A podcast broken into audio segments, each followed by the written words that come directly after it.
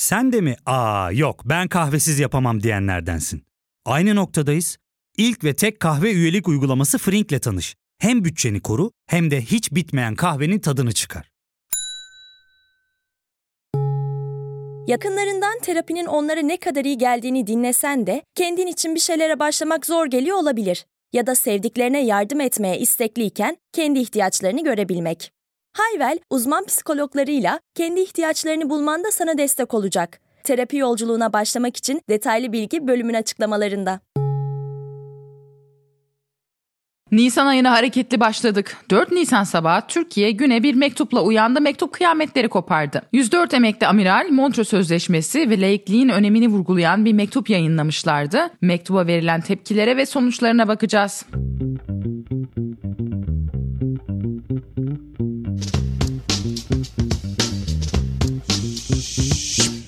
Her şey 24 Mart tarihinde Türkiye Büyük Millet Meclisi Başkanı Mustafa Şentop'un bir televizyon programında Montreux Sözleşmesi ile ilgili bir soruya verdiği yanıtla başladı. Şentop kendisine yöneltilen İstanbul Sözleşmesi'nden Cumhurbaşkanlığı kararı ile çekilmenin mümkün olup olmadığı ile ilgili soruya şu yanıtı verdi. Teknik bir ifadeyle meclis onaylama izni veriyor ama Cumhurbaşkanı onaylamayabilir veya onaylayabilir sonra geri çekebilir. Parlamento aşaması bir izin aşamasıdır sadece. Bu yeni değil 1963'ten bu yana böyle oluyor bu. Bunun örnekleri var. Ardından Habertürk Ankara temsilcisi Muharrem Sarıkaya gündemi yaratan soruyu sordu.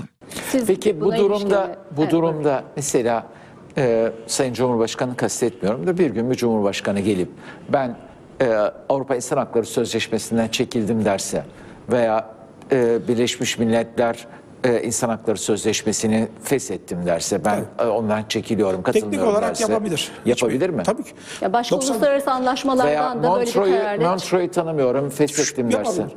Bunu sadece bizim Cumhurbaşkanımız veya eski sistemde bakanlar kurulumuz değil. Almanya da bunu yapabilir, Amerika da yapabilir, Fransa da bunu yapabilir. Yani ama bu şeydir mantıkta mümkün muhtemel arasında bir fark vardır. Buna da bir örnek verirler Osmanlı e, mantıkçıları e, son zamanların 19. yüzyılın özellikle. E, mümkün muhtemel. Ee, Marmara Denizi'nden ayran yapabilmek mümkün müdür? Mümkündür. Yeterli miktar yoğurt bulursanız Marmara Denizi'nde karıştırırsanız bu aklen mümkün olabilir. Akli imkandır bu. İhtimal ise e, gerçeklerden hareketle bir işin olabilirliği üzerinedir. Şentop'un verdiği bu yanıt tartışmayı başlattı. Mesele bir yandan da Kanal İstanbul'un yapılacak olması. Türkiye Montreux göreği Boğaz'dan geçiş yapan gemilerden para almıyor. Cumhurbaşkanı Erdoğan Kanal İstanbul yapılınca Türkiye'nin bu konuda avantaj elde edeceğini, buradan geçen gemilerden para alabileceğini öne sürüyor. CNN Türk'te Akıl Çemberi programında diplomat emekli büyükelçi Uluç Özülker, Montreux'un kapsamının sadece boğazlar olmadığını, Marmara Denizi'nin de sözleşme kapsamında olduğunu vurguluyor. Hani biz bu, Kanal İstanbul diyoruz falan filan ama bir takım şeyleri ciddi şekilde değerlendirmeden konuşuyoruz.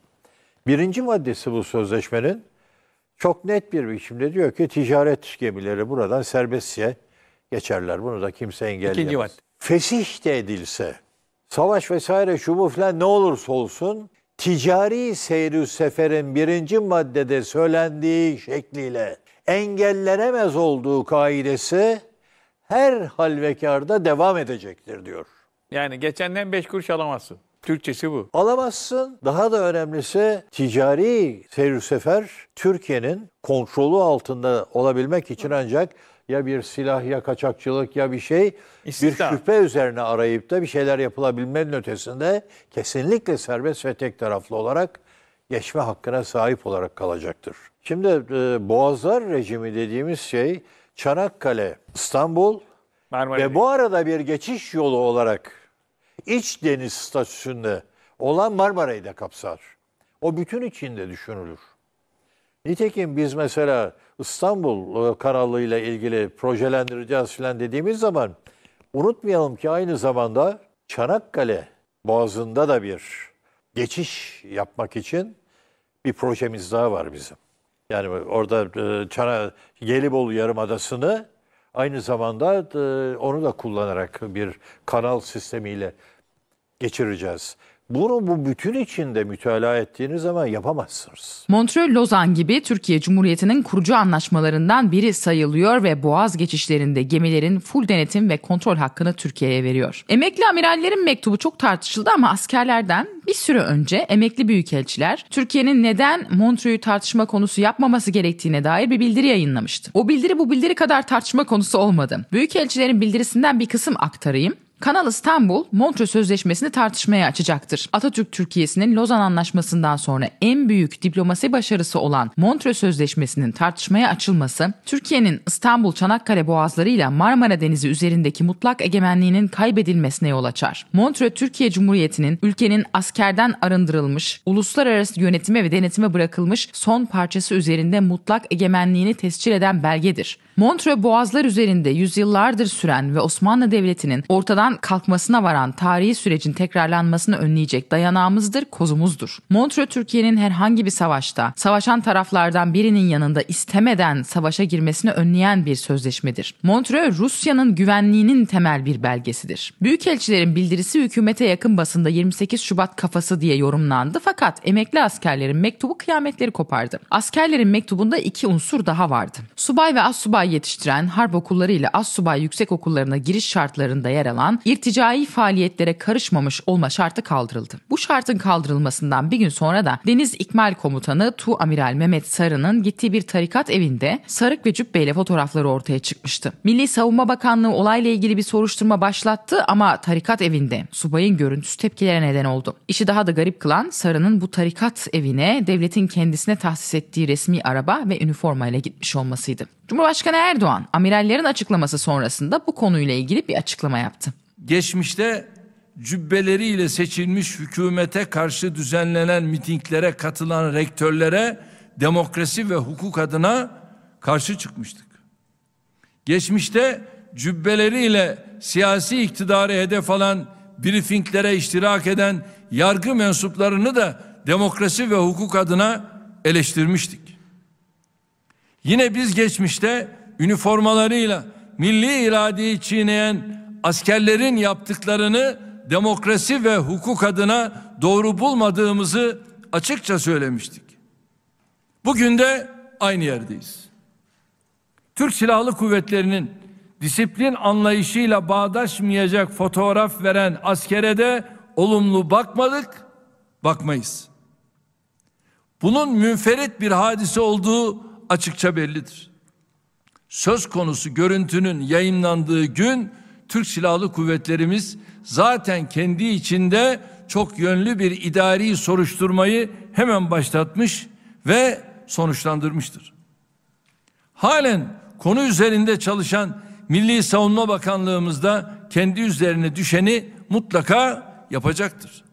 Şimdi gelelim kıyametleri kopartan emekli askerlerin mektubuna. Mektup şöyle. Yüce Türk milletini son zamanlarda gerek Kanal İstanbul gerekse uluslararası anlaşmaların iptali yetkisi kapsamında Montreux Sözleşmesi'nin tartışmaya açılması endişeyle karşılanmaktadır. Türk Boğazları dünyanın en önemli su yollarından biri olup tarih boyunca çok uluslu anlaşmalara göre yönetilmiştir. Bu anlaşmaların sonuncusu ve Türkiye'nin haklarını en iyi şekilde koruyan Montreux sadece Türk boğazlarından geçişi düzenleyen bir sözleşme değil. Türkiye'ye İstanbul, Çanakkale, Marmara Denizi ve boğazlardaki tam egemenlik haklarını geri kazandıran, Lozan Anlaşması'nı tamamlayan büyük bir diplomasi zaferidir. Montreux, Karadeniz'e kıyıdaş ülkelerin güvenliğinin temel belgesi olup Karadeniz'i barış denizi yapan sözleşmedir. Montreux, Türkiye'nin herhangi bir savaşta savaşan taraflardan birinin yanında istemeden savaşa girmesini önleyen bir sözleşmedir. Montreux, Türkiye'nin 2. Dünya Savaşı'nda tarafsızlığını korumasına imkan yaratmıştır. Bu ve benzeri nedenlerle Türkiye'nin bekasında önemli bir yer tutan Montreux Sözleşmesi'nin tartışma konusu yapılmasına,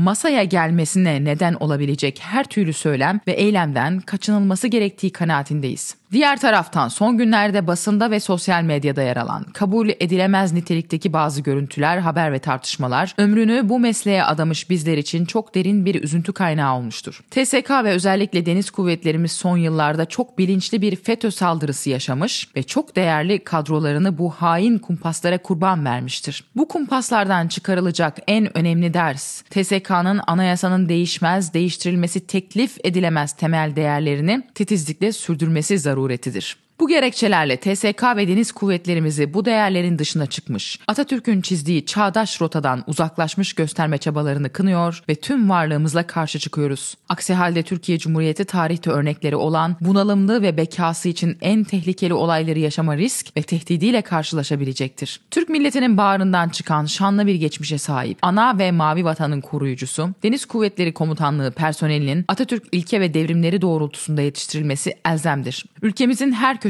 denizde, karada, havada, iç güvenlik bölgesinde ve sınır ötesinde fedakarca görev yapan, mavi vatandaki hak ve menfaatlerimizin korunması için Atatürk'ün gösterdiği yolda canla başla çalışan cefakar Türk denizcilerimizin yanındayız. Deniz şehitlerimizi anarak saygıyla duyururuz. Bu mektup çıktı, ortalık karıştı. İktidar bu mektubu kendine karşı bir tür darbe girişimi gibi yorumladı. AK Parti ve MHP'lilerden ard arda sert tepkiler gelmeye başladı. MHP lideri Devlet Bahçeli bir dizi tweet atarak bu askerlerin rütbelerinin hemen çıkarılması, emekli maaşlarının kesilmesi gerektiğini söyledi. Emniyet Genel Müdürlüklerinden tapu kadastro ofislerine hatta göç idaresine kadar pek çok kurum darbe karşıtı açıklamalar yayınladı. Bekir Bozdağ işi bir adım ileriye götürdü. Sadece imzacılar değil bu mektubun arkasında başka kim varsa sorgulanacak dedi. Asıl bir başka çarpıcı açıklama Süleyman Soylu'dan geldi. Süleyman Soylu A Haber'de katıldığı programda bütün bir gece çalıştık ve bu bildiride imzası olanların hangi siyasi partilerle bağlantıları var bunu bulduk dedi. Süleyman Soylu CHP'yi ve İyi Parti'yi işaret ediyordu. CHP mektubu ve mektuba verilen tepkileri bir gündem değiştirme çabası diye yorumladı. CHP sözcüsü Faik Öztürk millet iradesi asker postalıyla değil Makosen'le de alınır dedi. Bu çağda demokrasiyle yönetilmek bir ülkenin en büyük onurudur. Ancak tek adam vesayet rejiminin düğmesine basıldıktan sonra gördük ki millet iradesine darbe sadece asker postalıyla yapılmaz. Millet iradesi Mokosen'le de ayaklar altına alınır. Millet iradesine darbe 2015'te Haziran seçim sonuçlarını tanımayarak ardından milletin güvenlik endişelerini kaşıyıp seçimleri tekrarlatırıp tekrarlatarak da olur.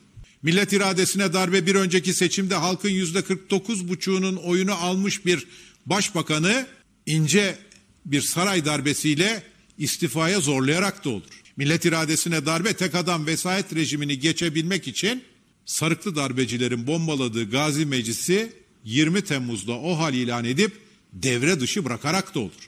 Millet iradesine darbe o hal koşullarında referandum yapıp bir de üstüne mühürsüz oyları seçim devam ederken geçerli sayarak da olur. Millet iradesine darbe 2019'da İstanbul Büyükşehir Belediye seçimlerinde kaybettiği seçimi mızıkçılık yaparak yandaşı hakimler eliyle tekrarlatmakla da olur. Millet iradesine darbe meclisten oy birliğiyle geçen bir uluslararası sözleşmeden ülkeyi tek bir imza ile çıkararak da olur.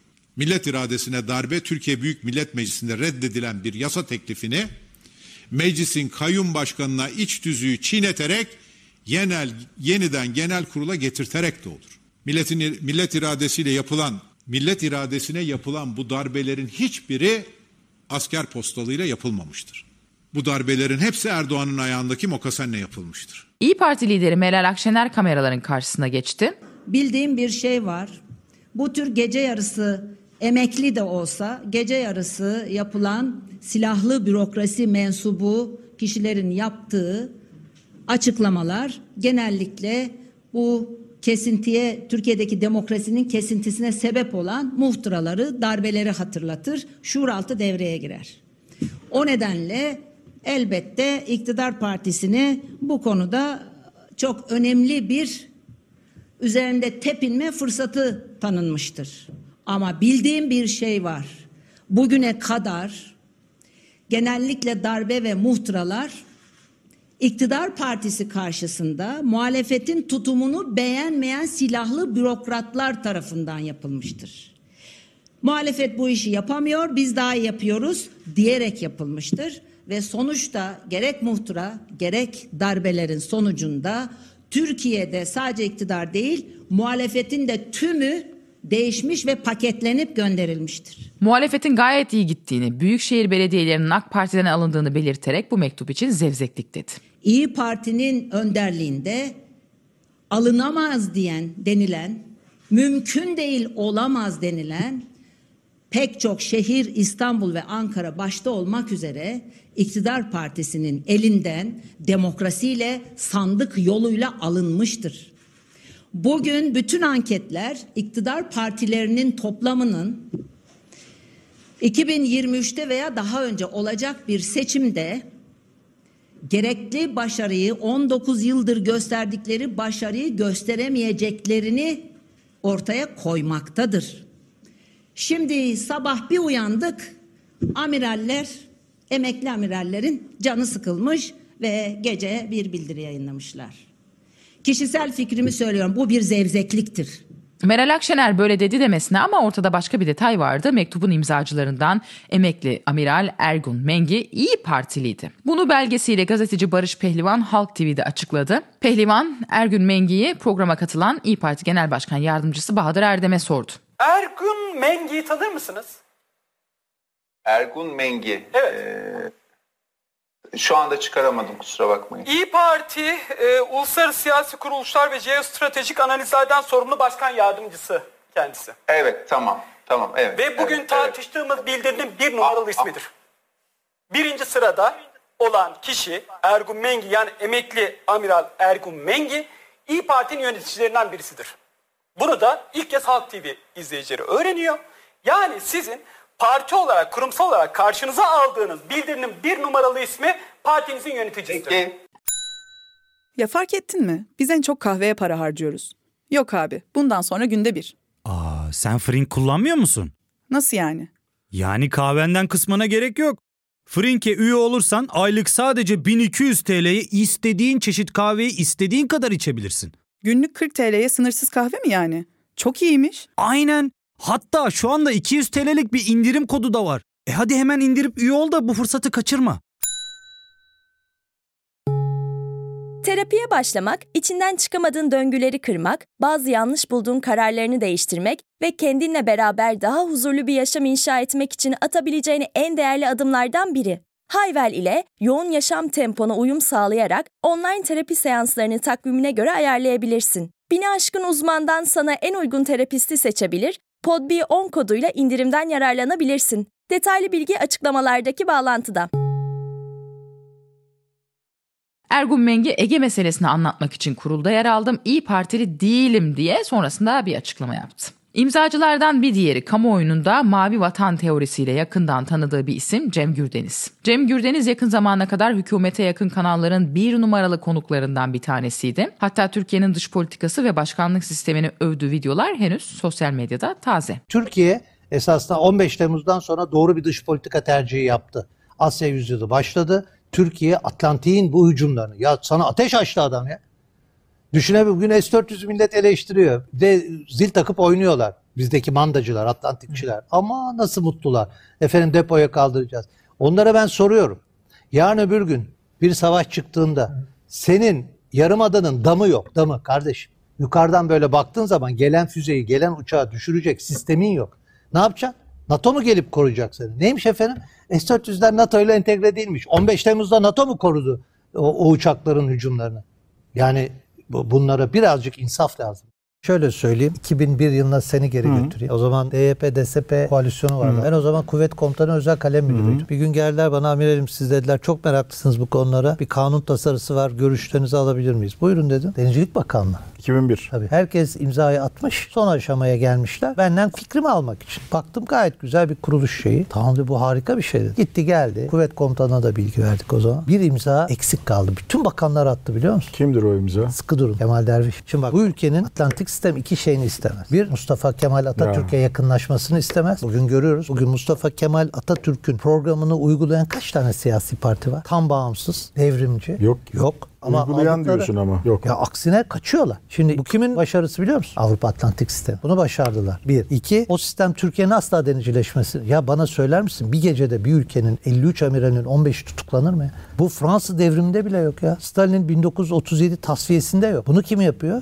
Bunu yapan belli işte Gülenistler. Gülenistler şu an nerede kendilerine en emniyetli, en güvenli yeri buluyor? Ben sayayım sana. ABD, Almanya, Fransa, evet. İngiltere bir oluyor. Yani o nedenle Türkiye'nin geleceğinde şu an 21. yüzyıl geleceğinde iki tane anahtar kelime var. Atatürk'e yaklaşmak, denizci olmak. O yüzden şu anki mevcut iktidarla zaten ben görevimi fikirlerimle yapıyorum. Şu an bu bakanlığı kurarlarsa tarihe geçerler. Çünkü şu anki rejim itibarıyla çok güçlü bir rejim. Yaşananlar televizyon ekranlarını da gerdi. Sonar Araştırma Başkanı Hakan Bayrakçı ve AK AK Partili Mücahit Birinci arasında sert tartışma yaşandı. Masaya yumruklar vuruldu. Bu imam beyefendinin laiklik kaldırılsın sözüne cılız bir tepki verilirken 104 tane amiralin ölçülü ve saygılı ve ben satır satır okudum. Katiyen ve asla darbe çağrışımı da yapmayan ifadelerine bu şekilde sabahtan beri kıyamet koparılması benim vicdanımı Türk milleti adına zedelemiştir arkadaşlar. Peki. Ama son olarak şunu söyleyeyim. O imam var ya Ayasofya Camii'nin imamı. O imam diye şimdi 104 tanesi Evet. şerefli amiral Evet. o imam diye Evet. böyle e, saygısızca şey yapmayalım. Bir dakika, Mehmet Hoca bir Mehmet dakika. Hoca'yı tanırım ben. Ben Mehmet ona- Hoca'nın Yo, Mehmet. Hoca'nın Bak, yaptıklarına haksızlık yapıyorsunuz. yaptıklarını eleştirebilirsiniz. Haksızlık. Tepkinizi koyabilirsiniz. O imam Bak bu imam şeyi yapmayın. Ben de laf ebeliğinden başa çıkamazsın. Ya Kusura bakma. Hakan Bey ben Bak, laf pardon. ebeliği falan yapmıyorum. Yo, ispatlayacağım. Siz istediğinizi İspatlayacağım istediğinizi- diyorum. İstediğinizi istediğiniz Ben, konuma ben koyacaksınız. ona ben ona o imam dedim. Ama siz o 104 generale Ben şerefsiz, darbeci diyorum ahlaksız darbeci dediniz. diyorum, darbeci. Hayır. Biraz 104 evvel Mücahit Bey 104 ahlaksız tane, şerefsiz dedi. 104 Ne alakası tane- var ya? Yo Ne alakası söyledin. var? Bırakın bandı geri al. Ne alakası var ya? Ahlaksız şerefsiz ne alakası var? Hayır. Kepaze ya metin bandı dedim. geri alsalar Ya ne duyarlar. alakası var? Bir dakika bir dakika. Öyle öyle beni kriminalize etme. Bak bu, kurnazlıkları yemem ben. değil ya, ben hakaret Mücahit. etmem. Ben bir hukukçuyum. Kepaze metin dedim. Sergilenmesi lazım dedim. Sorguya çağrılırken sergilenmesi lazım. Hala aynı fikirdeyim. Ya bandı Ama geri alsınlar.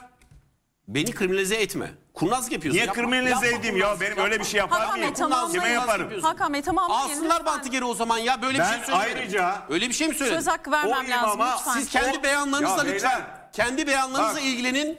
Etrafı kriminalize etme çabasını bakın etrafı kriminalize Siz bir etmeyin. kere beni Hakan Bey, konuşturmuyorsunuz. konuşturmuyorsun Fark değil. etmez, ben Sen kriminalize etme beni. söylerim. Sen beni kriminalize edemezsin. Hayır. Kriminalize. Etme. Kriminalize edemezsin. Ben seni benim söylemediğim kriminalize şeyi, etmiyorum. benim söylemediğim Masaya- şeyi buraya şey yapamazsın. Hayır, hayır, lütfen, Benim lütfen, söylemediğim şeyi buraya yapamazsın. Sen bana masaya vuruyorsun be. Buraya yapamazsın. Rica ediyorum. Yapamazsın. Hakan Bey, Masaya ne vuruyorsun? Hakan Bey etmeyeceksin. oturur musunuz? Etmeyeceksin. Rica ediyorum. ettim seni? Evet. Ettin. Sen 104 amirale hakaret Demedim öyle bir şey. Rica- Demedim öyle bir şey. Mücahit Bey masaya vurmuyoruz. Suları döküyorsunuz lütfen rica ediyorum. O Bir şovu durun yaptırdım. Burada o şovu yaptırmam ben. Birbirinize karşı bir Ben şekilde imama o imam davranmayın. diyorum. Siz o amirallere hakaret ediyorsunuz. Bir de bana diyorsunuz ki. Hakan Bey, o imam diyorsun. Hakan diyorsunuz. Bey, Hakaret kimse eden yok. hakaret Hakan Bey, etmez. Hakaret eden yok. Ben imama hakaret Lütfen. ettim mi? Hakaret sözü söyleyen yok. ediyorum. Hiç Bir- kimse, bir hiç kimse hakaret Lütfen, etmedi. Abdurrahman Bey. Yalandan şerefsiz şu bu falan deyip. Abdurrahman Sabahtan beri Bey, 27 lütfen. kere ahlaksız şerefsiz dediniz. Yapmayın. Biz mi dedik? Hakan Bey Biz mi bir dedik? saniye lütfen bir bana müsaade eder misiniz? Mektuba karşı sert tepki verenler bir tarafa, kimileri de Ayasofya imamının her konuda konuştuğu Türkiye'de emekli amirallerinde söz söyleme hakkı vardır diyor. Emekli askerler özellikle sadece iktidar çevrelerinde eleştirilmekle kalmadı haklarında soruşturma açıldı. 5 Nisan sabaha karşı emekli amiraller evlerinden gözaltına alındılar. Amirallerden onu için gözaltı kararı verilirken 4 isim yaşları nedeniyle gözaltı yapılmaksızın ifadeye çağrıldı. Amiraller hakkında soruşturma Türk Ceza Kanunu'nun 316. maddesi uyarınca açılmış. 316. madde şöyle diyor. Bu kısmın 4. veya 5. bölümlerinde yer alan suçlardan herhangi birini elverişli vasıtalarla işlemek üzere iki veya daha fazla kişi maddi olgularla belirlenen bir biçimde anlaşırsa suçların ağırlık derecesine göre 3 yıldan 12 yıla kadar hapis cezası verilir. 2021'de sabaha karşı evlerinden alınan paşalar daha önce de Ergenekon balyoz operasyonlarında alınmıştı. Cem Gürdeniz tam 10 yıl önce Ergenekon kapsamında alınmış 18 yıl hapis cezasına çarptırılmış. Daha sonra hatırlayacaksınız dava düşmüştü. Türkiye'de devran hep dönüyor ama nereye döneceği de belli olmuyor. Ergenekon balyoz operasyonlarını demokrasi için ateşli biçimde savunan bir kalem Hasan Cemal şimdi emekli askerler için bu satırları kaleme aldı. Saraya kimsenin itiraz hakkını elinden alamazsınız. Emekli amiralleri susturmaya kalkışmak, haklarında soruşturma açmak ifade özgürlüğüne darbedir. Sivil vesayet düzeninin açık bir göstergesidir. Kimsenin itiraz hakkını elinden alamazsınız. Özgürlüğe böyle darbeler sadece askeri ve sivil darbe yönetimlerinde askeri ve sivil vesayet düzenlerinde olur. Darbe ve vesayet rejimlerinin askerisine de siviline de karşıyım. İnanıyorum sivil vesayetinde tarihin çöp tenekesine atılacağı günler gelecek. Ne var ki iktidar tam saha preste Adalet Bakanı Abdülhamit Gül vesayet vurgusu yaparken Milli Savunma Bakanı Hulusi Akar mektup düşmanı sevindirmekten başka bir işe yaramaz dedi. Genelde arkadaşlar Türk Silahlı Kuvvetleri bildiğinizden çok ama çok yoğun bir şekilde çalışıyor. Gece gündüz efendim yurt içinde sınır ötesinde terörle mücadele operasyonları devam ediyor. Ve tabii bu olaylar olurken de böyle bir bildiri falan gibi ortaya bir şey çıkması, olay efendim işte insanların dikkatini dağıtması, efendim insanlara efendim burada hakikaten moralini, motivasyonunu çok olumsuz etkileyen bir olgu oldu bu. Ve bundan dolayı bütün arkadaşlarımız rahatsız oldular. Ve bu orada da dünkü şapta da söylediğimiz gibi bu sadece ve sadece düşmanlarımızı sevindirir. Sadece ve sadece silahlı kuvvetlerin başarılısı, başarılı olması istemeyenler, Türkiye Cumhuriyeti Devleti'nin başarılı olması istemeyenleri sevinir. E söyle başka ne olabilir? En vurucu açıklama akşam saatlerinde Cumhurbaşkanı Recep Tayyip Erdoğan'dan geldi. Hiçbir isme medyadaki ve siyasi alandaki açıklamaları sebebiyle herhangi bir soruşturma açılmış veya benzeri işlem yapılmış değildir. Ancak geçmişi darbeler ve bildirilerle dolu bir ülkede bir gece yarısı 104 emekli amiralin böyle bir girişimde bulunması asla kabul edilemez. Bunun adına ifade özgürlüğü diyemeyiz. İfade özgürlüğü aksi halde diyerek başlayan ve ülkenin seçilmiş yönetimini darbeyle tehdit eden cümleleri de kesinlikle kapsamaz. Emekli amiral sıfatıyla da olsa böyle bir girişim kahraman Türk Silahlı Kuvvetlerine yönelik bir bühtandır. Bu yöntem ve bu tarz ifadeler dünyanın her yerinde demokrasiye, hukuk devletine, milli iradenin üstünlüğüne saldırı olarak kabul edilir ve aynı şekilde muameleye maruz kalır. Gözaltına alınan amirallerin daha önce avukatlığını yapmış olan balyoz davalarından da tanınan Celal Ülgen, Halk TV'de Sözüm Var programında bir iddia ortaya attı. Ülgen dedi ki aslında bu bildiriyi sadece bir kişi yazmış, o da Ergün Mengi. Mengi yazmış, diğer paşalar sadece imzalamışlar, metnin yazımına dahil olmamışlar dedi. Ne var ki Ülgen'in bu iddialarını amirallerin avukatı yalanladı. Paşalar henüz ifade vermediler, böyle bir şey de söylemediler dedi. Celal Bey, bu metindeki asıl e, eleştirilerin ve suçlamaların konusu olan cümle şöyle, e, işte e, TSK'nın e, Deniz Kuvvetleri'nin çağdaş rotadan uzaklaşmış gösterme çabalarını kınıyor ve tüm varlığımıza karşı çıkıyoruz denildikten sonra, aksi halde Türkiye Cumhuriyeti tarihte örnekleri olan bunalımlı ve bekası için en tehlikeli olayları yaşama risk ve tehdidi ile karşılaşabilecektir. Bu cümle Evet, üzerinden bir darbe Evet. tehdidi. E, in- Evet, hayır tam tersi. Darbe tehdidi değil. Darbe ya da e, olağanüstü dönemlerin riskini söylüyorlar. Tehdit etmiyorlar. Tamam ben de sizden savu- savunmanızı rica edecektim zaten. Yani bana göre de burada bir darbe tehdidi, darbe iması Yok, falan yok. Böyle bir şey yok. Ama yok ki, siz bir bakın, hukukçu olarak nasıl nasıl açıklıyorsunuz bunu? Evet. FETÖ'ye temsil, FETÖ'ye teslim ettiniz. FETÖ darbe yaptı. Siz bunu yaparsanız yarın öbür gün de darbe olur diye bir risk görüyorlar. Bunu Ve bu risk- yaparsanızdan kasıt bunu Yani yaparsanız Türk, Türk Silahlı Kuvvetleri'nde e, Türk Silahlı Kuvvetleri'ni tarikatlara açarsanız böyle tuğ generaller, tuğ amiraller tarikatlara gider, onlarla ritüel e, şeyler yapar, e, ibadetler yaparsa günün birinde de örgütlenerek FETÖ gibi e, aksi takdirde böyle şeylerle karşılaşırız diye riske işaret ediyorlar. Yoksa herhangi bir şey yok ortada. Bir darbe çağrısı yok. De, darbe tehdidi yok. Aksi takdirde darbe yaparım nasıl diyecek? Bey, beylik tabancasını çıkararak mı gidecek darbe yapacak? Bakın o şeyin yasanın 316. maddenin çok önemli bir kısmı var. Diyor ki elverişli e, araçlarla yapması lazım. Hangisi elverişli araç? Yani sizin tankınız var, topunuz var, polisiniz var, koruma ordunuz var. Onlara bir beylik tabancayla mı darbe yapacaklar? Yani bu iş böyle bir böyle olmaz yani. Son olarak Ali Babacan'a kulak verelim. Babacan bürokratların seslerini ve objektif yorumlarını hükümetle paylaşamadıkları için bu tip açıklamaların yapıldığı görüşünde. Şimdi tabii bu son olay bambaşka bir olay. Buradaki konu ne aslında? Biraz şöyle bantı geri sararsak Evet. Kanal İstanbul. Şimdi Kanal İstanbul'la ilgili endişeler var. Kanal İstanbul'la ilgili nasıl endişeler var? Öncelikle çevre etki değerlendirmesinin tam yapılmadığı ile ilgili endişeler var.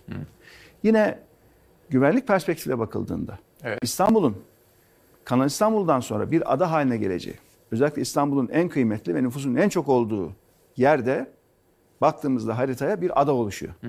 Bu adanın dış güvenlik ve deprem yönetimi açısından bakıldığında pek çok riski barındırdığını uzmanlar Sizin de söylüyor. kaygılarınız var mı Kanal İstanbul'a? Uz- tabii ki, tabii ki var. Şimdi uzmanların şöyle ben uzmanlardan hep dinliyorum. İşi bilenlerin raporlarına bakıyorum. Çünkü bir kişi her şeyi bilemez. Şu anda zaten Türkiye'nin yaşadığı en önemli sorun bir kişinin her şeyi bildiğini iddia etmesinden kaynaklanıyor. Üçüncü konu işin uluslararası anlaşmalar boyutu, Montreux. diplomasi boyutu, uluslararası hukuk boyutu. Tabii Montreux boyutu. Şimdi bununla ilgili şu son bir yıl içerisinde bize sayısız raporlar geldi. Sayısız endişeli ifadeler içeren değerlendirmeler geldi. Fakat hükümetin iş tutma tarzı şu anda nasıl? Kanal İstanbul'la ilgili. Ben bunu istiyorum diyor. İnadına yapacağım diyor. Ve teknik değerlendirmeler, hukuki değerlendirmeler, çevre etki değerlendirmeleri, şunlar bunlar hepsi bir kenara itiliyor. Biz diyoruz ki eskiden olduğu gibi ki eskiden böyle yürüdü bu işler. Nasıl? Her bir kurum, her bir bakanlık böyle paraf silsilesinden geçmiş teknik görüş oluştururdu. Yani böyle önemli bir projeyle Sizin ilgili DPT'nin bile görüşü vardı. Çok önemliydi. Tabii ki. Yani DPT Devlet görüş oluştururdu, Planlama. işte Genelkurmay oluştururdu, Dışişleri Bakanlığı oluşturdu ama bu görüşler öncelikle şöyle denirdi. Arkadaşlar bir çalışın denirdi. Hmm. Arkadaşlar benim istediğim gibi görüş hazırlayın denmezdi. Şu andaki sistem ne oluyor? Siyasi irade oluşmuş kardeşim bu proje olacak. Kanal İstanbul'u istiyorum. İlla ki olacak. İnadına olacak. Siz bu inadına yapılacak projeyle ilgili raporları yazın getirin. Dolayısıyla birimlerin elleri ayaklarına dolaşıyor. E geçenlerde de biliyorsunuz tam 126 tane emekli büyükelçi bir ortak açıklama yaptı değil Aslında mi? aynısını e, koskoca yaptılar. Dışişleri Bakanlığı dururken, memleketin dışişleri orada muazzaf büyükelçiler dururken, orada ciddi bir teknik birikim dururken, bir diplomasi kapasitesi dururken niye 126 tane emekli büyükelçi böyle bir açıklama yapmak zorunda kalıyor? Niye? E çünkü Dışişleri Bakanlığı'nın el ayağı bağlanmış durumda. Konuşamıyorlar, çalışamıyorlar. Ben biliyorsunuz 3 yıl Avrupa Birliği Bakanlığı yaptım. 2 yıl Dışişleri Bakanlığı yaptım. Normalde böyle bir durumda denilen şudur. Arkadaşlar objektif, sağlam bir analiz yapın. Kanal İstanbul'la ilgili değerlendirmenizi bize getirin demesi lazım hükümetin. Hükümet öyle yapmıyor. Ben bunu istiyorum ya kardeşim. Ya zaten yapacağım, kafama koydum, inadına da yapacağım. Siz ona göre bunu nasıl yaparım onu hazırlayın bana diyor. E böyle olunca da tabii bir yandan bürokrasi kendi içinde kıvranıyor adeta. Ya bir yan doğrular var, endişeler var ama bunu hükümete, Cumhurbaşkanı'na söyleyecek cesaret yok hiç kimsede.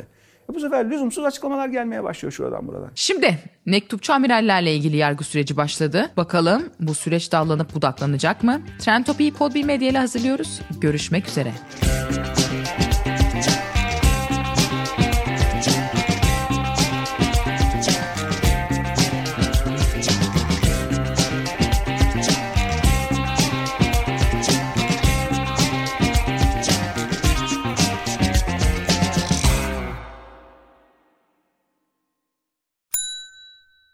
Ve tek kahve üyelik uygulaması Frink, 46 ildeki 500'den fazla noktada seni bekliyor. Açıklamadaki kodu girerek sana özel 200 TL'lik indirimden faydalanmayı unutma. Hadi sen de Frink üyeliğini başlat, kahven hiç bitmesin. Hem bugününe hem yarınına katacaklarıyla terapi yolculuğuna ve daha iyi hissetmeye bugün Hayvel ile başla. Açıklamadaki linkten Hayvel'i indir, ücretsiz tanışma görüşmelerinin ardından bütçene uygun seans paketini seç ve terapi yolculuğuna başla.